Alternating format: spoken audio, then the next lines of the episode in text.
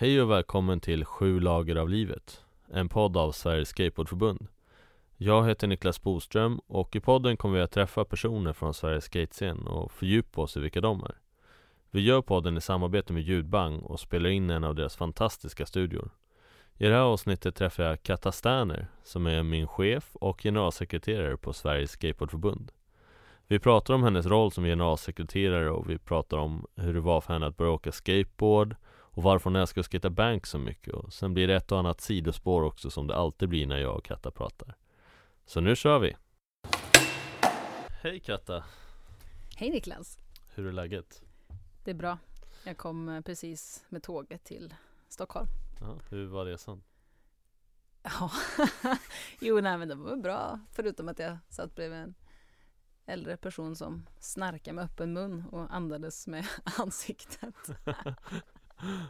okay. Men det var ju bra annars ja. var det. Vacker, vacker natur idag. Aha, så frostigt och solen kom upp och uh, jättefint. Så jag är pepp, eh, trots det.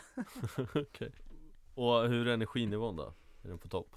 Ja, självklart. Ja. Det är den väl alltid. Ja, jo faktiskt. Eh, eller det är det man kan få känslan av. Sen så hur det egentligen är, det är väl oklart. vi kör på det. ja. Eh, jag tänker vi ska försöka gå in lite på vem du är som person. Vi ska prata om hur och varför du började åka skateboard eh, och vad det har betytt för dig genom åren. Sen så är du min chef också. Du är generalsekreterare på Sveriges Skateboardförbund. Så det ska vi föra mer om också. Och sen lite eh, om vad du tar med dig från skateboard så här långt och vad du vill få med dig framåt i, i tiden också från skateboard så jag tänker att vi, vi kör igång och, och jag tänker att du ska få beskriva dig själv eh, lite grann Jag skulle vilja höra lite kort så här, Vart eller var växte du upp? Eh, och hur var du i skolan? Så, så, vi kan börja där så, så fyller vi på sen Okej, okay, ja, gött. eh, ja, jag är eh, född i Karlstad, så värmlänning. Ehm, jag har väl kanske inte jättetydlig Karlstad-dialekt, utan folk brukar tro att jag kommer från typ Trollhättan eller Borås, att det är någonstans mitt emellan. Um, men där är jag i alla fall uppväxt och i Tyskland har jag bott också, så lite blandat, lite internationellt där också. Mm. Um, ja, jag är nu ja, inne på mitt 34 år på jorden. Mm. um, och uh, ja, i skolan, tänk på det, man är lite olika i och med att man utvecklas så. Uh, från att när man börjar skolan och när man slutar skolan, att det ändå kan vara en, en skillnad. Men genomgående så är det väl att ja, jag väl rätt så här glad och sprallig. Så här, lite halvsvårt att sitta still. Mm. är det väl. Eh, men jag, jag umgicks med de flesta i klassen nästan hela tiden. Ja, jag var med om hur det var att bli mobbad. Um, sen var jag väl också med om att bli anklagad för att mobba sen också. Så jag vet inte, jag antar väl att jag fick känna på båda de ja. eh, rollerna. Um, men ja, annars är jag i alla fall en, en schysst person. eh, de i klassen tyckte det också så jag fick eh, någon gång fick något sånt här stipendium. Klassens kompis. Så ja, det är jag ändå stolt över. Så.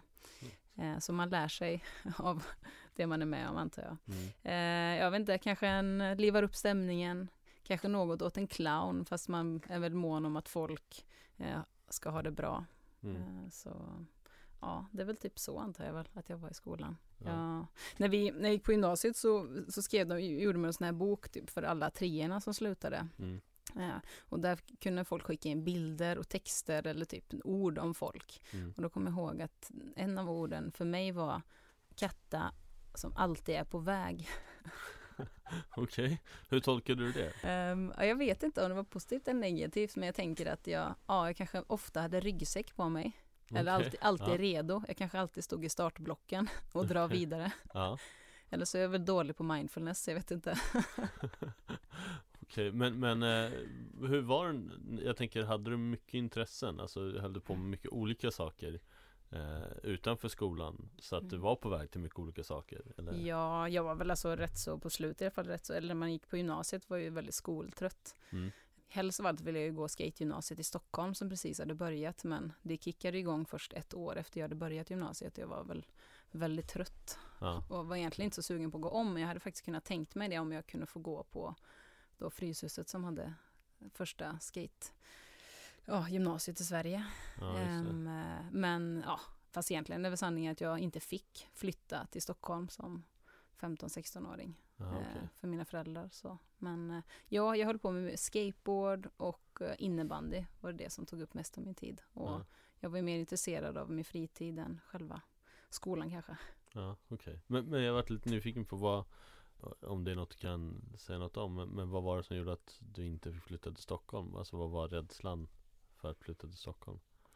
Jag vet, alltså jag tänker väl att hade det varit att vi hade haft släktingar här i, i Stockholm så tror jag att det kanske hade varit annorlunda. Men nu, jag var ju min släkt från Värmland och Göteborg så hade det varit ett gymnasium i Göteborg hade det säkert varit okej. Mm. Ehm, men jag vet inte, kanske Stockholm kändes stort, jag vet inte. Jag, Ja. alltså jag tänker själv, i och med att jag själv är förälder så förstår jag känslan att man inte vill släppa iväg sitt barn. Men eh, ja, jag, hade jag backat bandet så hade jag nog stått på mig lite mer. Mm. Ehm, och, och varit li, ännu mer driven men Tror du att din, ditt skateboardåkande hade förändrats om du hade gått på skateboardgymnasiet? Alltså åt något håll, positivt Mm. som negativt? Mm.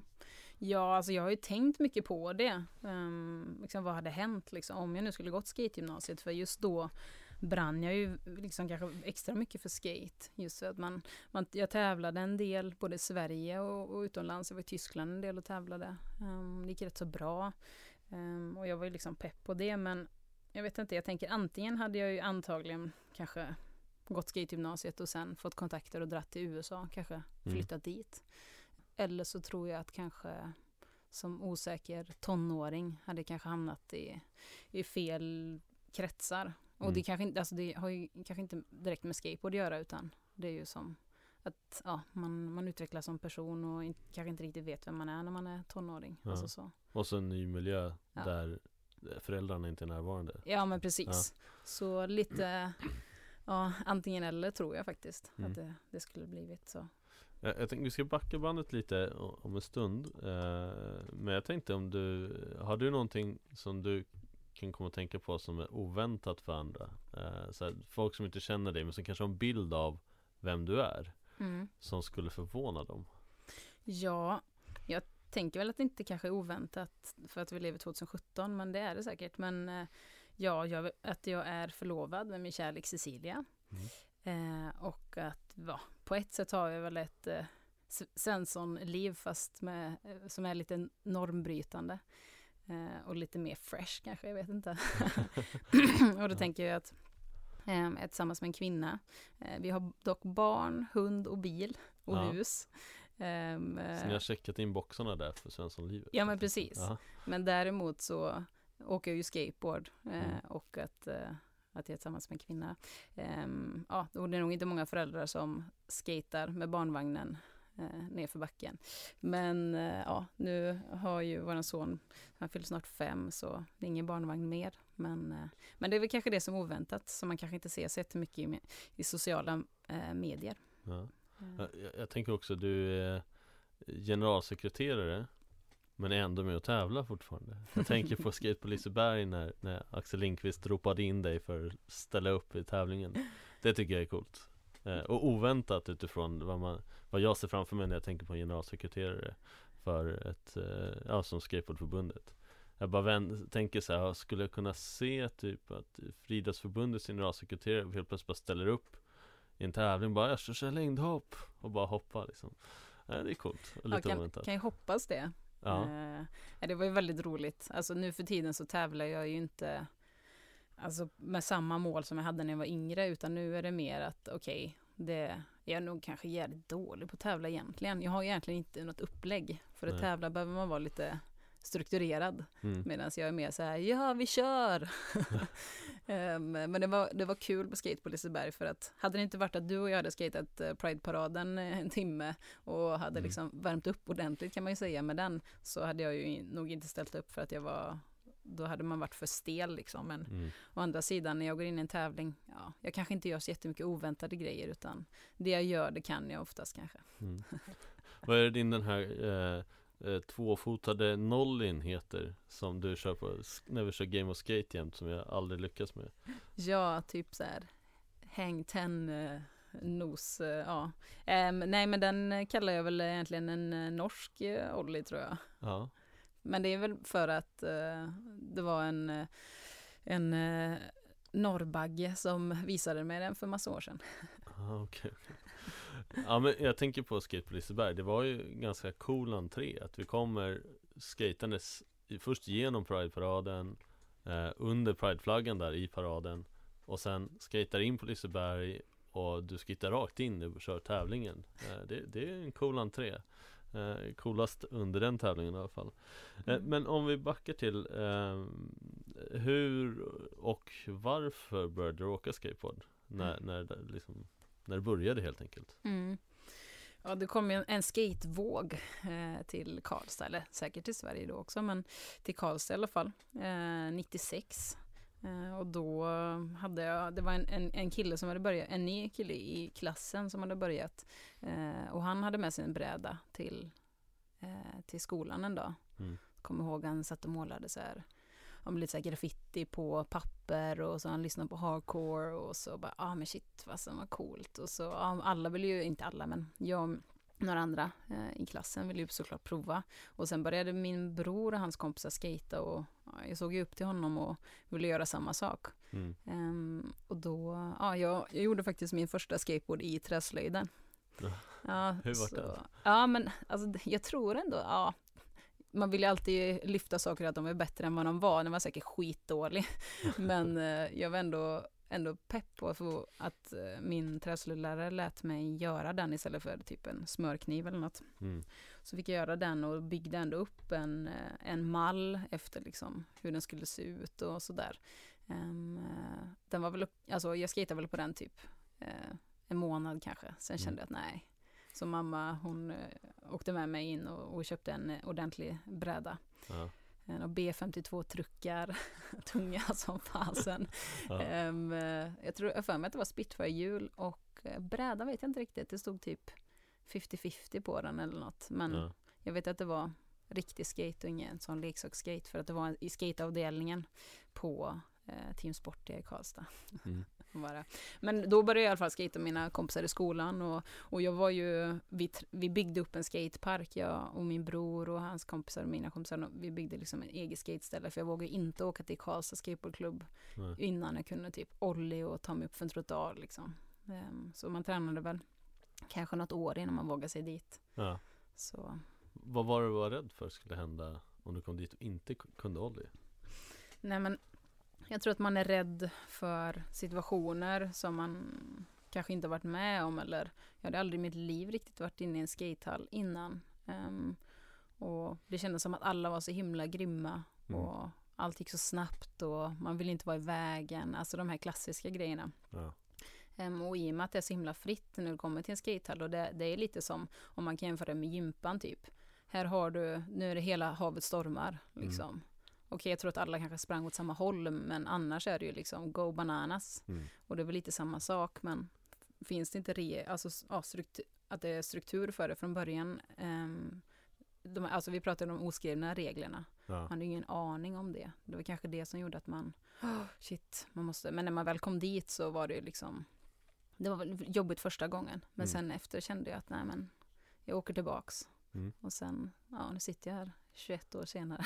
Just det, 21, år- 21 år på brädan. Mm. Men vad, hur, hur gick det sen då? Du, du skatade där, började skata i skatehallen eh, Och du hittade folk att åka skateboard med då förstår jag eh, hur, på, hur åkte ni skateboard? Var det, vart åkte ni och, och eh, vad inspirerade er under den tiden? Eh, ja, vi åkte mycket hemma på landet, bodde på landet och eh, där eh, vi byggde vår egna skatepark. Jag Ja. kommer ihåg vi hade, vi byggde en bank som var riktigt skön förutom att plankorna låg ju liksom eh, ja, diagonalt så att det var ju verkligen det här brrrt, brrrt, och riktigt bra svikt i den. Men är det Ehm, därifrån du har fått din förkärlek till banks? Ja, jag tror faktiskt det. Ja, Men eh, vi hade sett eh, något, något klipp på något, om det var på kanske någon Edge TV eller något. Där det ja. var en, eh, jag tror det var en quarterpipe eller något, där det stod döden på. Så då, då ritade vi också en dödskalle och skrev döden. ja. Men var inte det gamla Fryshuset som hade döden? Jo, jag tror det. Ja. faktiskt, Mm. som var inspirerade därifrån. Så vi, ja, vi såg väl på Edge TV och så såg man också på ja, ja, klassiker Toy Machine, Welcome to Hell var ju Mm. verkligen så här. Och en kompis med bara, men kolla här, den är, det är en brud med. Mm. Och jag bara, va? och så då blev jag verkligen inspirerad. Det, det var rätt konstigt för det var som att det tilltalade mig ännu mer. Ja. Liksom. Även om man skejtar med sina kompisar så blev det bara, oj, shit, fan vad galet. Ja. Det där, Ja. jag, jag är också från Welcome to Hell, den största inspirationen jag hade från, därifrån var ju också Elisa Steamer Mm. eh, Ja, och Donny Barley, men, men Elisa Steamer, jag var helt såld på hennes stil, det var så coolt Mm. Ja, nej men det, det, det är rätt häftigt faktiskt. Men vi, vi, vi filmade lite en del faktiskt. Vi råkade ha en, en, eh, en videokamera så jag ska försöka hitta lite klipp därifrån. Får se Mm. om vi kan, kan slänga upp någon gång. Ja, det var coolt Riktigt goofy. Men annars skejtade Ja. vi typ på skolan eller så drog vi till eh, skatehallen ja. och så. Så ja. Hur upplevde du det var? Alltså hur kände du när, när du lärde dig nya trick? Eller hur kändes det att lära sig nya trick? Hur mycket fick du kämpa? Nej, jag tänker, jag kommer ihåg själv hur jag kämpade liksom med Mm. Först att lära sig ollie och sen kickflip och, och så vidare Men hur, hur upplevde du det? Ja, i början hade jag ju min hemgjorda bräda så det, det tog väl ett tag att lära mig ollie på den. Ja. hade ingen grip tape får jag väl tillägga. Eh, nej men jag, det är klart att man kämpade men man lärde sig också att alltså det behövdes ju inte jättemycket framgång för att känna att fan vad jag är grym. Mm. för att man, man lärde sig på skateboard, det du gjorde var ju liksom, ja, det var ingen annan som gjorde det åt dig utan det här klarade du av. Ja, Ehm, så, nej men alltså att sätta trick, man fick hitta sina vägar liksom. Jag insåg snabbt att jag inte gillade typ nej, Alltså jag har haft problem med det men nu, nu är det okej alltså. Men jag var mer, försökte på flippar liksom än själva rotationen, alltså shavit rotationen. ja, Ehm, så man, man hittar vissa trick som man har liksom i kroppen mer i rörelser än andra. mm. Som man får kämpa extra mycket med. Så ja, jo, jag har lagt antal timmar och skejta. Men det känns som att de flesta som eh, åker skateboard eller har åkt skateboard har någon situation som var lite förlösande kring när de började lära sig ännu mer. Alltså antingen att det var ett trick som gjorde att de kunde ta sig vidare eller eller eh, en känsla som gjorde att de kunde ta sig vidare. Kan du komma ihåg att du hade någon sån? Ja, jag tror att när jag var typ 14, 15, alltså när jag hade typ skatat en, en lite mer än två år, eh, då var det, ehm, ja då hade jag väl gjort min första tävling typ. Ja, kaos. men, men hur som helst, jag började skata lite mer och jag, var, jag åkte iväg på mitt första skatecamp. mm. Ehm, och då var det uppe i, i Luleå, så jag träffade liksom, ja, med tjejer från andra delar av landet. ja, Det var liksom, ja, det var hur grymt som helst. Jag blev så himla peppad. mm. Att jag gick ifrån kanske att skata liksom, bara, ja men kanske, ja men två dagar i veckan kanske eller mer vill jag väl minnas. Alltså något sånt där till att skata var, var liksom varannan dag. mm. Och då märkte jag verkligen en helt annan utveckling mm. eh, som tog fart då. Att man åkte oftare. Men jag, att man behövde bli peppad liksom. För att de som jag skejtade med skejtade inte jätte, alltså superofta heller, alltså så. Och då hade jag också blivit bekväm och så Ja. åkt till, till skatehallen. Jag hade moppe, kunde åka själv dit. ja. Ehm, och jag lärde, lärde känna folk i, i hallen liksom. Så Ja. det- jag behövde inte ha någon som hängde med utan jag kunde dra dit och skata själv liksom. Eh, Jag visste att ändå att det var någon som var där antagligen. Ja, men den moppen, är det den du har kvar fortfarande som du försökt få igång här? Ja. Hur har det gått med det? Alltså ett litet sidospår Ja, min första kåta.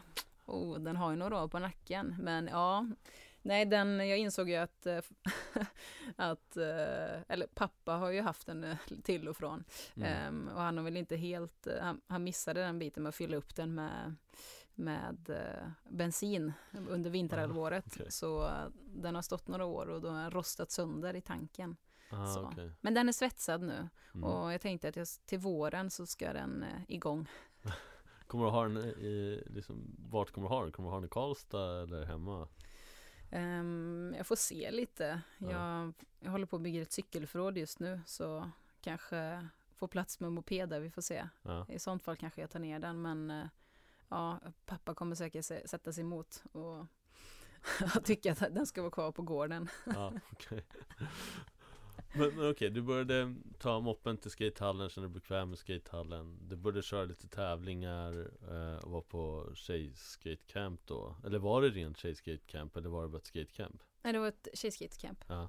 Vad- vad hände sen? För det känns som att du har varit ute och tävlat en del eh, i skateboardåkning eh, Mm.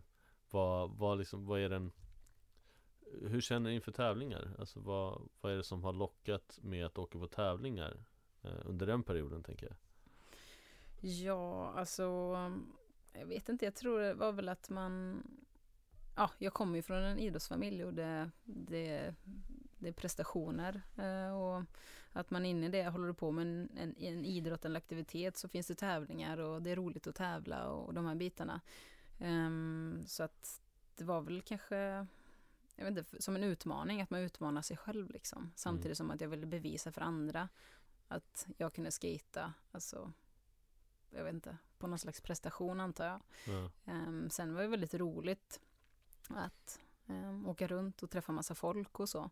Eh, efter Tjejskate-campet då, den sommaren, så var det ett nytt camp ett år senare. Det, oftast hände det typ en eller två stora händelser per år back in the days, eh, Mm. där typ de flesta kom. Ehm, och då blev ju Malmö-campet nere, bryggeriet, väldigt, alltså en knytpunkt och liksom har ett årligt skatecamp.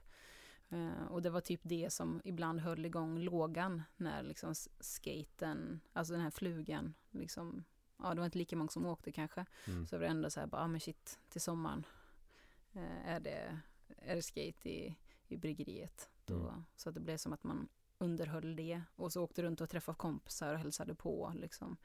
Ehm, men, eh, och just det, med tävlingar och så, så åkte jag runt och ja, tävlade typ Etnisk European Open och och så, och så var det väl att jag kom, jag kom tvåa någon gång eh, och så vann man pengar och då la jag pengar på att åka till nästa resa som Mm. var i Tyskland. Så jag var i Münster och München och körde. Och det var, inte, det var roligt eh, och, och samtidigt obehagligt. så jag Ja. vet inte, det var som att jag var liksom för jag vet inte, jag var för ung kanske på något sätt. Eller mycket av tävlingarna är inte bara tävlingar utan det är mycket fester runt omkring och så. Och Mm. man var lite för ung för att gå med ut. ehm, och man kom inte in på några ställen. Så det var med så här tävling och hänga runt där liksom. Mm. Så, men, men jag vet inte, som sagt jag tror aldrig jag varit en riktigt bra tävlingsåkare utan ska man vara en bra tävlingsåkare så behöver man ha struktur och det var, jag vet inte, jag hade väl några grundtrick och så, ja, det var mest att, köra. Ja. Men vad, vad var din drivkraft för skateboardåkning? Eh, alltså man tänker sig från när du startade, liksom, vad, vad har varit din drivkraft med skateboardåkning under åren? Eh, eller har det skiftat kanske? Ja, verkligen. Alltså, det blev liksom en, att göra något annorlunda. Ehm, det var spännande, för det var liksom inte jättemånga som åkte och ehm, man, på något sätt så valde man väl sin egna väg. Ehm, även om man fick höra många år bara, ja nu ska du sluta med den där eh, grejen och dra upp byxorna och alltså det är mycket så det sociala sammanhanget i alla fall från, från äldre eller konservativa jämnåriga. Ja, Ehm, att man oftast då kanske ska vara ehm, ja, snubbe och, och att man skater tills man är typ 15 och så sen växer man upp. mm, just det. Klipp dig, skaffa dig ett jobb. Ja men precis. Men eh, ja, så jag vet inte, det var väl, eh, jag vet inte, det, det var väl ett sätt att göra något annorlunda. Något som Mm. inte var förväntat. Eh, som också blev en frizon liksom. Ja, Ja, jag sa tidigare att jag var väl inte bra på meditation men senare så insåg jag att skateboard är min meditation. ja just det. Att man, att man nu för tiden när man liksom, när jag inte tävlar på det sättet utan jag kan tävla för att, ja men vi kör liksom. Det, Mm. det kan vara kul att vara med ibland. Eh, fast jag, att jag inte, jag fokuserar liksom inte på resultat. Det spelar för mig ingen roll. Ehm, och, utan nu för tiden är det mer att skateboard är liksom, det är, en, det är en del av livet men när man väl åker så kan du inte tänka på så mycket annat utan det, det är du och skateboarden på något sätt. Jaha. Ja, jo det känner jag igen. Jag får börja tänka på annat så Ja, då slår du dig. Ja, garanterat. Så jag har gjort det ett par gånger Mina all, mest allvarliga skador, jag har inte haft så allvarliga Men det har ju varit när jag så här, Jag ska bara dra och köpa en kaffe och göra ett tryck på vägen och sen så faller jag. Så här, för att, ja. Eh, Men eh, om, om man tänker på det utifrån eh, så att det var en frizon och uh, det, det blir ett uttryck och någon slags meditation. Vad, vad har skateboard betytt för dig genom åren? Ja, kan du säga liksom, det, det är en stor del av livet sa du Men ser du att det har haft någon inverkan på ditt liv eh, På ett mer såhär existens, existens Jag kan inte säga ordet Jag fattar vad du menar Existentiellt plan Ja, alltså jag, jag, tycker väl att skateboard verkligen, alltså, att man kan ta med sig det till till så mycket. Att man, du kan, alltså att du, skateboard är verkligen att du gör det här nu. Det är du som utvecklas och du ramlar men, men du, du ställer dig upp liksom. Att, uh, jag vet inte, skam den som ger sig. Mm. Um, och att man, ja man lär sig ställa sig upp och det är väl eh, att man kan ta med sig det genom livet också. Ja. Att när du får motgångar så, det kan vara skit men ja, det, man får ställa sig upp och, och fortsätta. Det, det, kommer bli bättre liksom. Mm. Så, ja. det är lite inbyggt i skateboard. Mm. Så du faller ju mer än vad du inte faller när du ska lära dig ett nytt tryck. Det kanske inte alltid faller men det känns ju som att det är fler misslyckanden än lyckanden om man nu ska använda de termerna. Ja, verkligen. Jag brukar alltid säga det till folk när när, alltså om de är, när de börjar åka skateboard eller så. Och, och då brukar jag säga det att att skateboard är en, alltså att ramla, det är en del av det. Mm. Ramlar du inte i skateboard, då gör du något fel. Ja. Så. Det är väl lite den approachen. Ja, man får bara lära sig att ramla rätt. Nu gör jag situationstecken här. Funkar inte så bra i podcast men Men ramla på rätt sätt så att man inte slår sig. Eh, men jag tänker, du är generalsekreterare på Sveriges Skateboardförbund eh, och min chef. men vad innebär rollen som generalsekreterare? Vad, vad gör du på dagarna och vad är ditt uppdrag? jag är boss. Nej, skämt åsido, men ja, men jag är väl alltså verksamhetschef för förbundet mm. eh, tillsammans med styrelsen, fast de är, de är då i sin tur mina chefer. Eh, och min uppgift är att administrera eh, förbundet. Eh, jag har hand om hemsida, sociala medier, jag representerar förbundet, eh, eh håller i föreläsningar, ehm, men, men största delen är att jag har eh, kontakt med föreningarna ehm, och ja, hjälper dem att eh, hitta nycklar för att utvecklas. Eh, se lite vad de har för utmaningar, vad kan förbundet hjälpa till med, vad behöver de själva göra, ja, etc.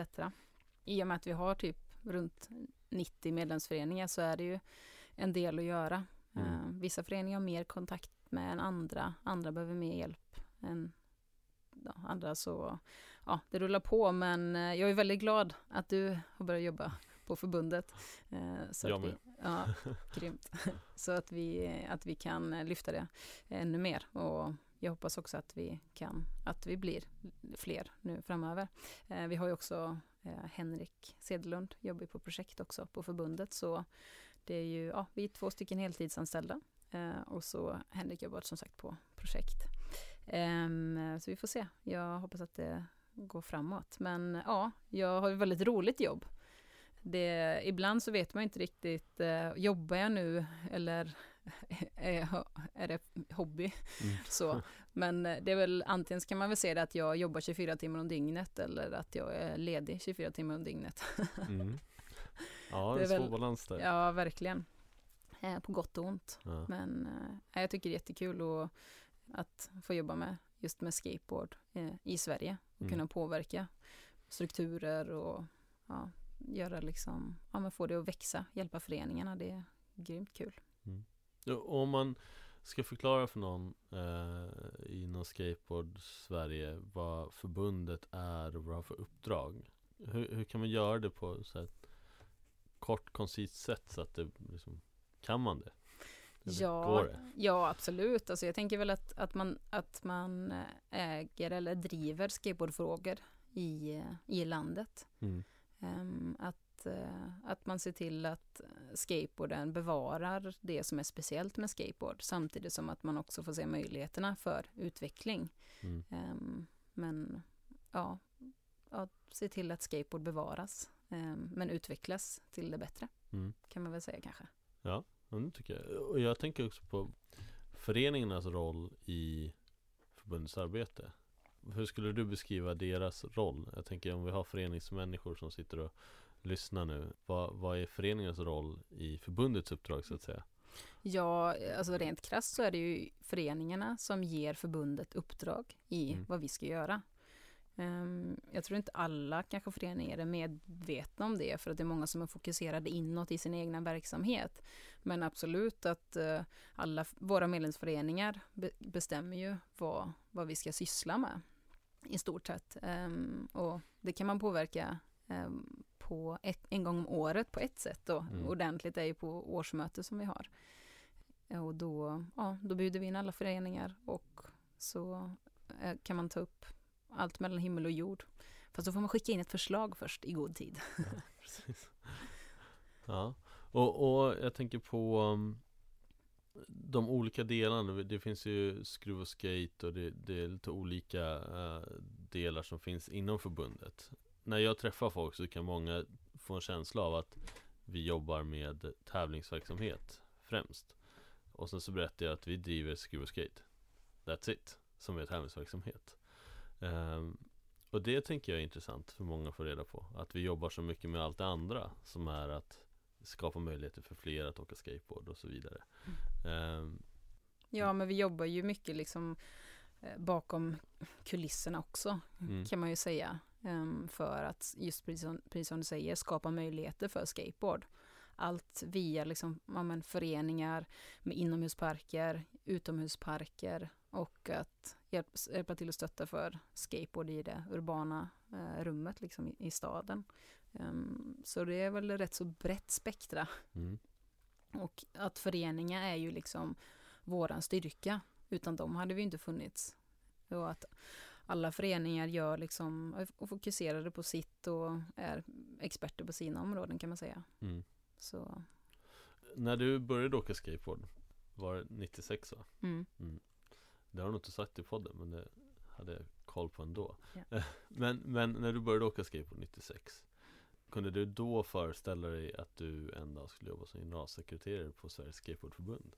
Nej, verkligen inte. Det var väl rätt så långt borta. Mm. Ehm, men eh, jag vet inte, 96, jag vet inte, allt, allt alltså skateboard är ju, började, eh, var ju en lek. Ehm, det sågs ju kanske inte riktigt som en sport, även om man såg, ja men typ Mattias Ringström och, och över i USA och körde. Det var väl mer sport Mm. tyckte jag liksom att det är så uppstrukturerat medan det man själv höll på med var ju mer att försöka erövra den där trottoarkanten. Mm. God damn it.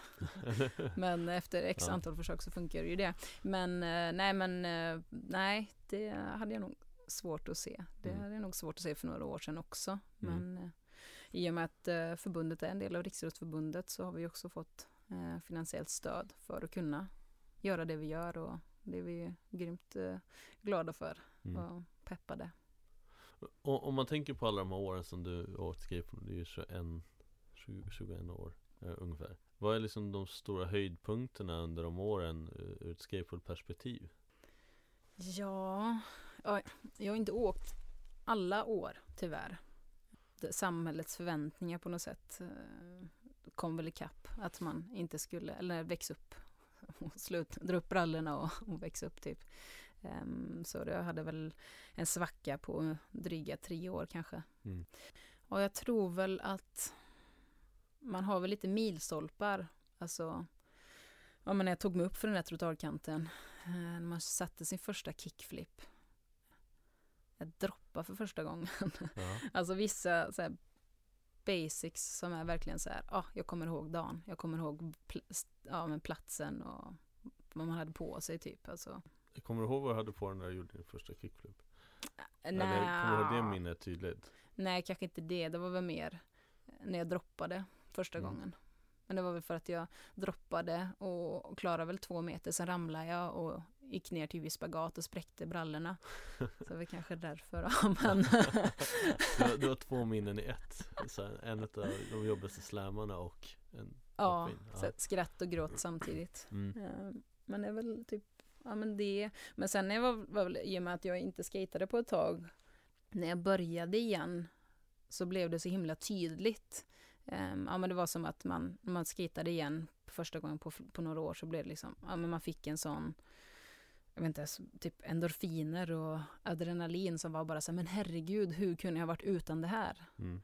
Det, det, det, var verkligen tydligt. Men ibland så behöver man faktiskt vara ifrån någonting för att uppskatta det eller förstå, se saker tydligare.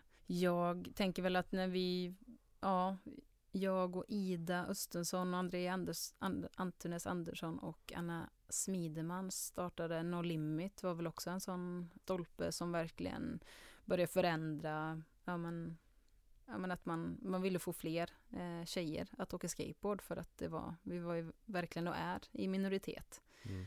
Um, verkligen en, en, ja, något som, som utvecklade mig som person och då jag själv känner att jag liksom är uppväxt i alltså skatescenen och, och mina värderingar kom ju därifrån också. Så ja, jag och Ida hade våra clinchar i början för att mm. förstå varandra men eh, jag är väldigt tacksam för både Andrea och Anna och Idas, ja, men våra möten och att ja, de relationer vi, vi har och vad vi gjort tillsammans. Det är verkligen, jag tror att det har utvecklat oss allihopa som personer. Mm. Um, så ja, skateboard möter struktur på något sätt. Ja, uh, och för att förstå hur saker och ting hänger ihop.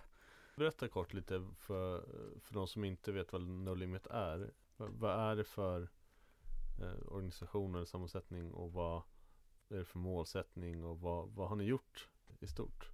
Ja, No Limit startade 2007, tio år sedan, för att eh, vi, vi, träffades på ett, ett skatecamp i Malmö eh, och kände att, ja men shit, vi är några stycken runt om i landet som tycker samma sak och, och, och det var ju att vi ville att fler tjejer ska åka skateboard. Och då bestämde vi oss för att eh, nej men vi startar en förening och så jobbar vi liksom på nationell nivå och försöker supporta de, de ställena runt om i Sverige som på den tiden hade tjejskate. Um, och målet med föreningen var väl egentligen att inte vi skulle finnas alls. Mm. Utan att vi bygger upp någonting och så får vi igång eh, alltså bollarna att rulla eller vad man ska säga, eller hjulen att rulla. Um, för att fler ska kunna ta över då um, stafettpinnen att bli mer liksom, inkluderande föreningar oavsett kön. Liksom. Mm. Men vi hade ju fokus såklart på tjejer då. Så då drog det igång. Så vi, 2008 gjorde vi en skateboardturné genom hela Sverige. Men då fyllde vi två minibussar och hade skate work, alltså skateskola, skateuppvisning, vi grillade, spelade musik. Ja, det var gött häng i, mm. i två veckor på, i, i åtta olika städer otroligt roligt. Eh, och två år senare blev vi dubbelt så många. Och då var vi några av Sveriges bästa skateboardåkande tjejer och Kanadas, några, ett gäng därifrån som, som mm. heter Skirtboarders. Mm. Um, och där drog uh, No Limit över till Kanada och skejtade i två veckor. Och sen kom uh, kanadensarna tillbaks till Sverige, eller kom över till Sverige och så körde vi också då uppifrån Umeå i norr ner till Malmö i söder på två veckor och körde ja, samma upplägg som året, ja, två år tidigare. Mm. Eh, fast vi var fler. Mm. Det var en del att rodda. ja, det förstår jag. Det låter som en um, sen, projekt. Ja, verkligen. Um, och sen så har vi gjort en, släppte vi en bok 2014 vill jag minnas. Um, skateboard, inte bara för tjejer.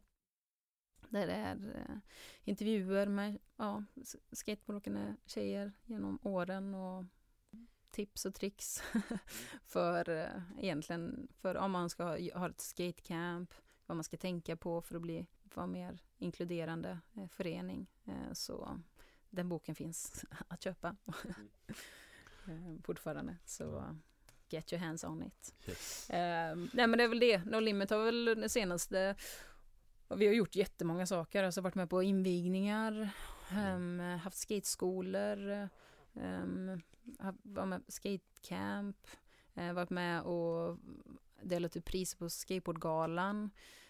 Vi har sett till att det blir bättre fördelning av prispengar på tävlingar. Så att det ska bli mer jämlikt liksom i skatescenen. Och verkligen lagt en grund för det.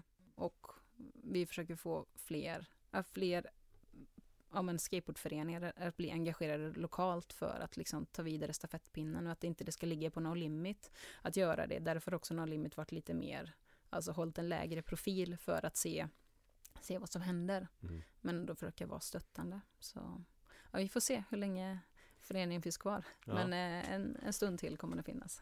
Jag, jag sitter och tänker ofta själv på, så när jag sitter där och är 90 plus någonting och tittar tillbaka på alla år som har varit Vad tar jag med mig från skateboardscenen? Eh, eller mitt skateboardåkande? Har du några sådana saker som du verkligen känner att det där kommer jag ha med mig som ett kärt minne eller en lärdom eller en upplevelse, någonting sånt som du känner att du kommer ha med dig just om När du är 90 plus mm.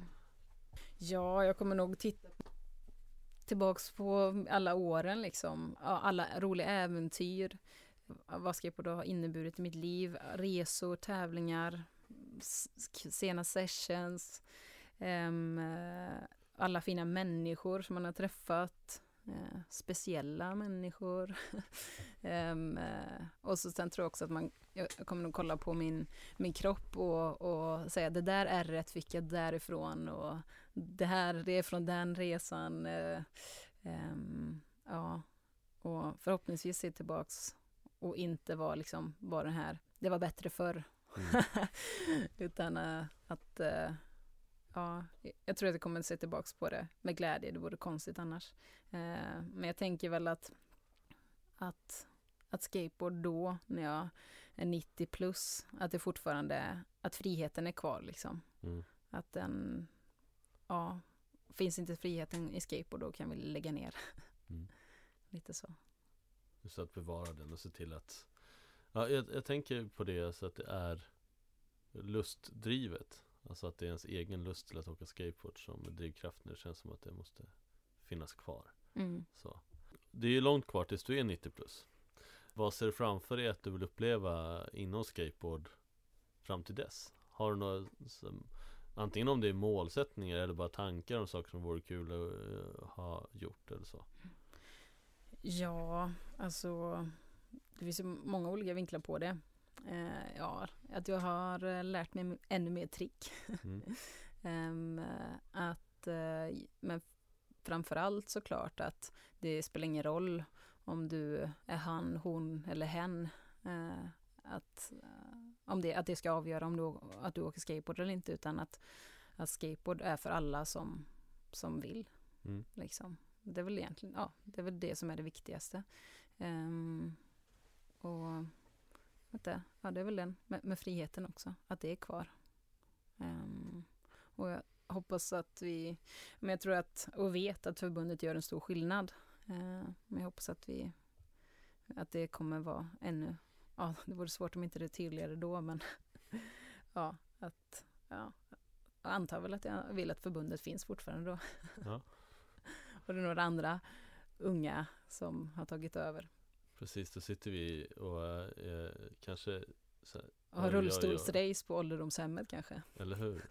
Och sitter så här och tänker Ja, nu gör de sådär Och så hade inte vi gjort Så, nej Vi kanske sitter där och är bittra då, vad, vad vet vi? Ja, Det var bättre se. förr Nej, det tror jag inte Vi är så positiva Ja, Nej, jag tror det är nog bra i sånt fall att man känner det. Ja, så hade inte vi gjort, utan jag tror att det är bra att man gör olika. Ja, ja men jag, jag har suttit i samtal med lite olika personer om det Hur fint det är när yngre gör annorlunda Mm. Att det är någonting väldigt härligt eh, Jag kan ju outa då att Martin Karlsson är den som jag pratar mest om dem hur, hur vi nästan vill provocera fram att yngre ska tänka annorlunda än oss för att öka deras möjligheter för att kunna gå sin egen väg. Mm. eh, Så att det kan vi hoppas att vi gör nu när vi är 90 plus att vi inte sitter och är bittra utan vi tänker Shit vad coolt, hon går sin egen väg, gör sin egen grej och kritiserar det vi har gjort Mm. så länge det är inom ramarna för vad som är positivt menar jag Ja, ja, självklart. Ja, men det tror jag på.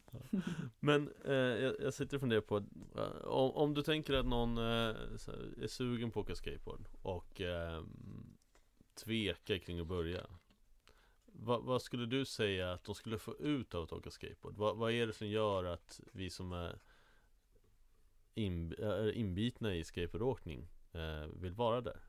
Vad som gör, som man, ja. Varför är, det, mödan värd? ja. Ja, Varför vill vi självklart. ramla så mycket? Ja men precis. Nej men lite som jag sa innan, eh, det är väl det att, att skateboard är såklart, det är en, eller, alltså, eller jag hade väl sagt att eh, kom och skata. Mm. Häng med på, alltså när en skater eller på, kolla in var det finns ny, nybörjarskate. Ehm, för att eh, skateboard är svårt. Mm. Men att få lite tips i början eller, ja, man får ju tips hela tiden i och för sig, men, men att verkligen i början för att få tips på, ja men att man står rätt eh, eller alltså allt som be behöver veta i början eh, så underlättar ju det till att få ja, men, framgång i utvecklingen eller din Mm. egen utveckling. Eh, men ja, det utvecklar ju både kroppen och, och, och själen liksom Mm. som jag pratade om innan. Det, det kan vara meditation och ett, eh, jag vet inte, ett, ett, ett space, ett, ett fritt space. De, där in- inte något annat kommer in liksom, utan det är meditation. Ja, man ska ju såklart bara göra det om man själv vill. Att man inte är någon annan som pressar en att göra det, utan ja, det ska vara för din egen skull. Ehm, ja, och det är väl lite det jag har gjort så. Nu sitter jag här och ångrar inte en dag. Så börjar du åka skateboard så kanske du är generalsekreterare på Sveriges Skateboardförbund Eller hur? Ja, man får visa möjligheterna. Eller Eh, börja åka skateboard och släng dig ner för en 25-stegstrappa som eh, Ali, han visar ändå att man, man vågar. Ja, precis. Eller hur? Ja, han är en eh, inspiration för många. På många olika sätt såklart. Mm. Helt klart. Mm. Ja. Men jag tänkte, vad har du något favorittrick? Ja, ja, det har jag. Det har väl alla. jo, alltså det jag ehm, jag brukar alltid säga att eh, efter alla de här åren så är jag ändå så här få till en riktigt god ollie med tweak.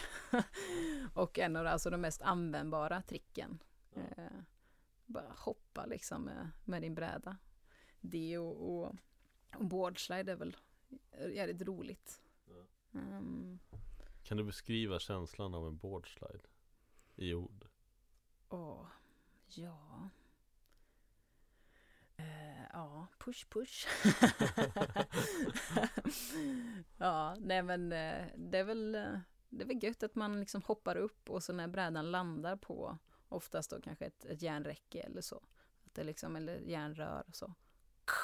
Alltså det, att man, att man flyter fram på något sätt liksom. Fast Ja. du st- står ju liksom som, vad ska man säga? Som en Parallellt Ja, med parallellt. Ja, Ja. lite som en Eller nej? skidåkarstance. Ja, precis. Du åker framåt Ja. och sen börjar det mot sitt slut så av och så få till, vrida av och få till en skön landning. Ja. Så ja, det är väl kanske det. Sen så har jag mycket så här hjärnspöken. Så jag verkligen har märkt på de senaste åren när man kanske, ja men jag har haft lite så problem med, med ryggen senaste året och då har det varit att jag inte har kunnat skata lika ofta. Och då är det verkligen så här hur liksom psyket kan verkligen så här spöka till det för en. Mm.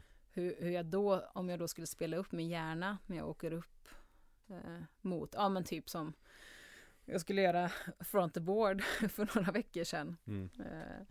Eh, Max, Axel Lindqvist var med och, och Anders Neumann. Och det var bara så här, jag har gjort det här hur många gånger som helst. Men bara, nu har jag inte gjort det på ett tag. Mm. Men då lät det väl i mitt huvud typ att jag liksom sparkade fart. Jag kan det här, kom igen nu. Och så precis när jag ska hoppa, You're gonna die! och bara Wah! Och så bangar man ur. Ja, typ 50 gånger i rad. Sjukt frustrerande. Eh, så ja, man kan ha en inre röst. Man, det gäller att vara vän med den.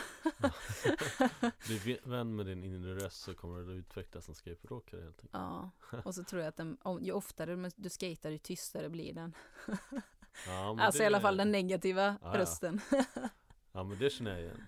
Eh, Mm. när man varit, inte har varit på ett tag kommer in och känner att man måste lära sig om allting. Mm. Som du egentligen kan. Ja, Det sitter i muskelminnet men du måste ändå rent mentalt. övertyga den där Ja. andra rösten. Ja precis. Det känner jag igen helt klart. Ja. Så, men jag tycker det har blivit annorlunda också. Det blev annorlunda när, efter man fick barn. Mm. Att man börjar tänka mer konsekvens. Så det är väl till nackdel att man bara God damn it. Men det gäller ju som sagt att låsa ut de tankarna Mm. och bara gå in i någon slags skate-meditation. Du Ja. och brädan, keep pushing. Jag, jag, jag tror att det är Martin Sandberg som har sagt en gång att eh, högre fart slår mindre. Mm. Eh, Det tror jag också på. det, det, det kan nog stämma. Det är sanning. Eh, Och, och grejen det där är lite roligt, för jag har börjat ta högre fart efter jag fick barn. Jag har inte reflekterat över det innan, men jag bara tänkte på det nu. Och när du säger det. Ja. Faktiskt. är, är det en flykt från, nej, någonting, nej. Nej. Eh, jag, jag tänkte att vi ska börja avrunda lite. Har du nå, någonting som du vill få sagt som du känner att du inte har fått sagt? Som du vill att, vill få ut till, till folk? Kanske, ja. ja. Det är väl att eh, keep on pushing. Alltså, och att man, det är lätt att haka upp sig liksom på, på förväntningar och, och, och tro att alltså, många andra bryr sig om liksom, eller att, att folk ska tycka saker på om du kan ett trick eller inte, eller hur, hur liksom hur länge har du åkt skateboard, vad kan du för trick? Alltså att, att man blir, alltså att folk dömer en, men nej, det är ingen som gör det. Skit i det liksom. Det, Mm. Utan att man hittar sin, liksom förstår liksom varför åker jag själv skateboard? Vad ger det mig? Och i vilket sammanhang? Och att förstå att man, om man hittar en line, till exempel om man skater i en skatepark, att man hittar en line och egentligen cruisar genom parken och, och klarar det och bara känner liksom vinden i håret och att det liksom är gött. Man liksom bara hör brädan åka fram och, och hur mycket det kan ge en framför att man ska sätta massa trick. Um, eller att man bara drar ut och cruisar på streeten och känner bara fan vilken god asfalt det var här. alltså så att man hittar liksom saker som du gillar liksom. Um, och skiter i förväntningar och man behöver inte tävla utan man kan utmana sig själv i att ha, ha roligt med, med skateboarden. Det är väl typ det jag känner är viktigt att, att förmedla. Jag, jag är lite nyfiken också på om du har något drömtrick Som en avslutning här nu Och ja, jag tycker det är ju sjukt snyggt med eh, Frontside Smith, både på curb och i böj. Ja, Så eh, jag satte det som mål för några år sedan att kunna, men jag, vet inte, det blev, jag gjorde det på curb, men stukade foten. Fast inte i tricket, utan var ett Nej. annan grej. Men eh, ja, det är i alla fall Frontside Smith på curb och i, i böj. Kanske får se, 2018 kanske blir året. eller hur? Ja. Nu har du det på, på ljudupptagning också Ja, nu kör vi. Ingen press. Ingen press, kör ja. Men eh, tack så jättemycket för det här samtalet eh, Tackar för idag Tack, tack.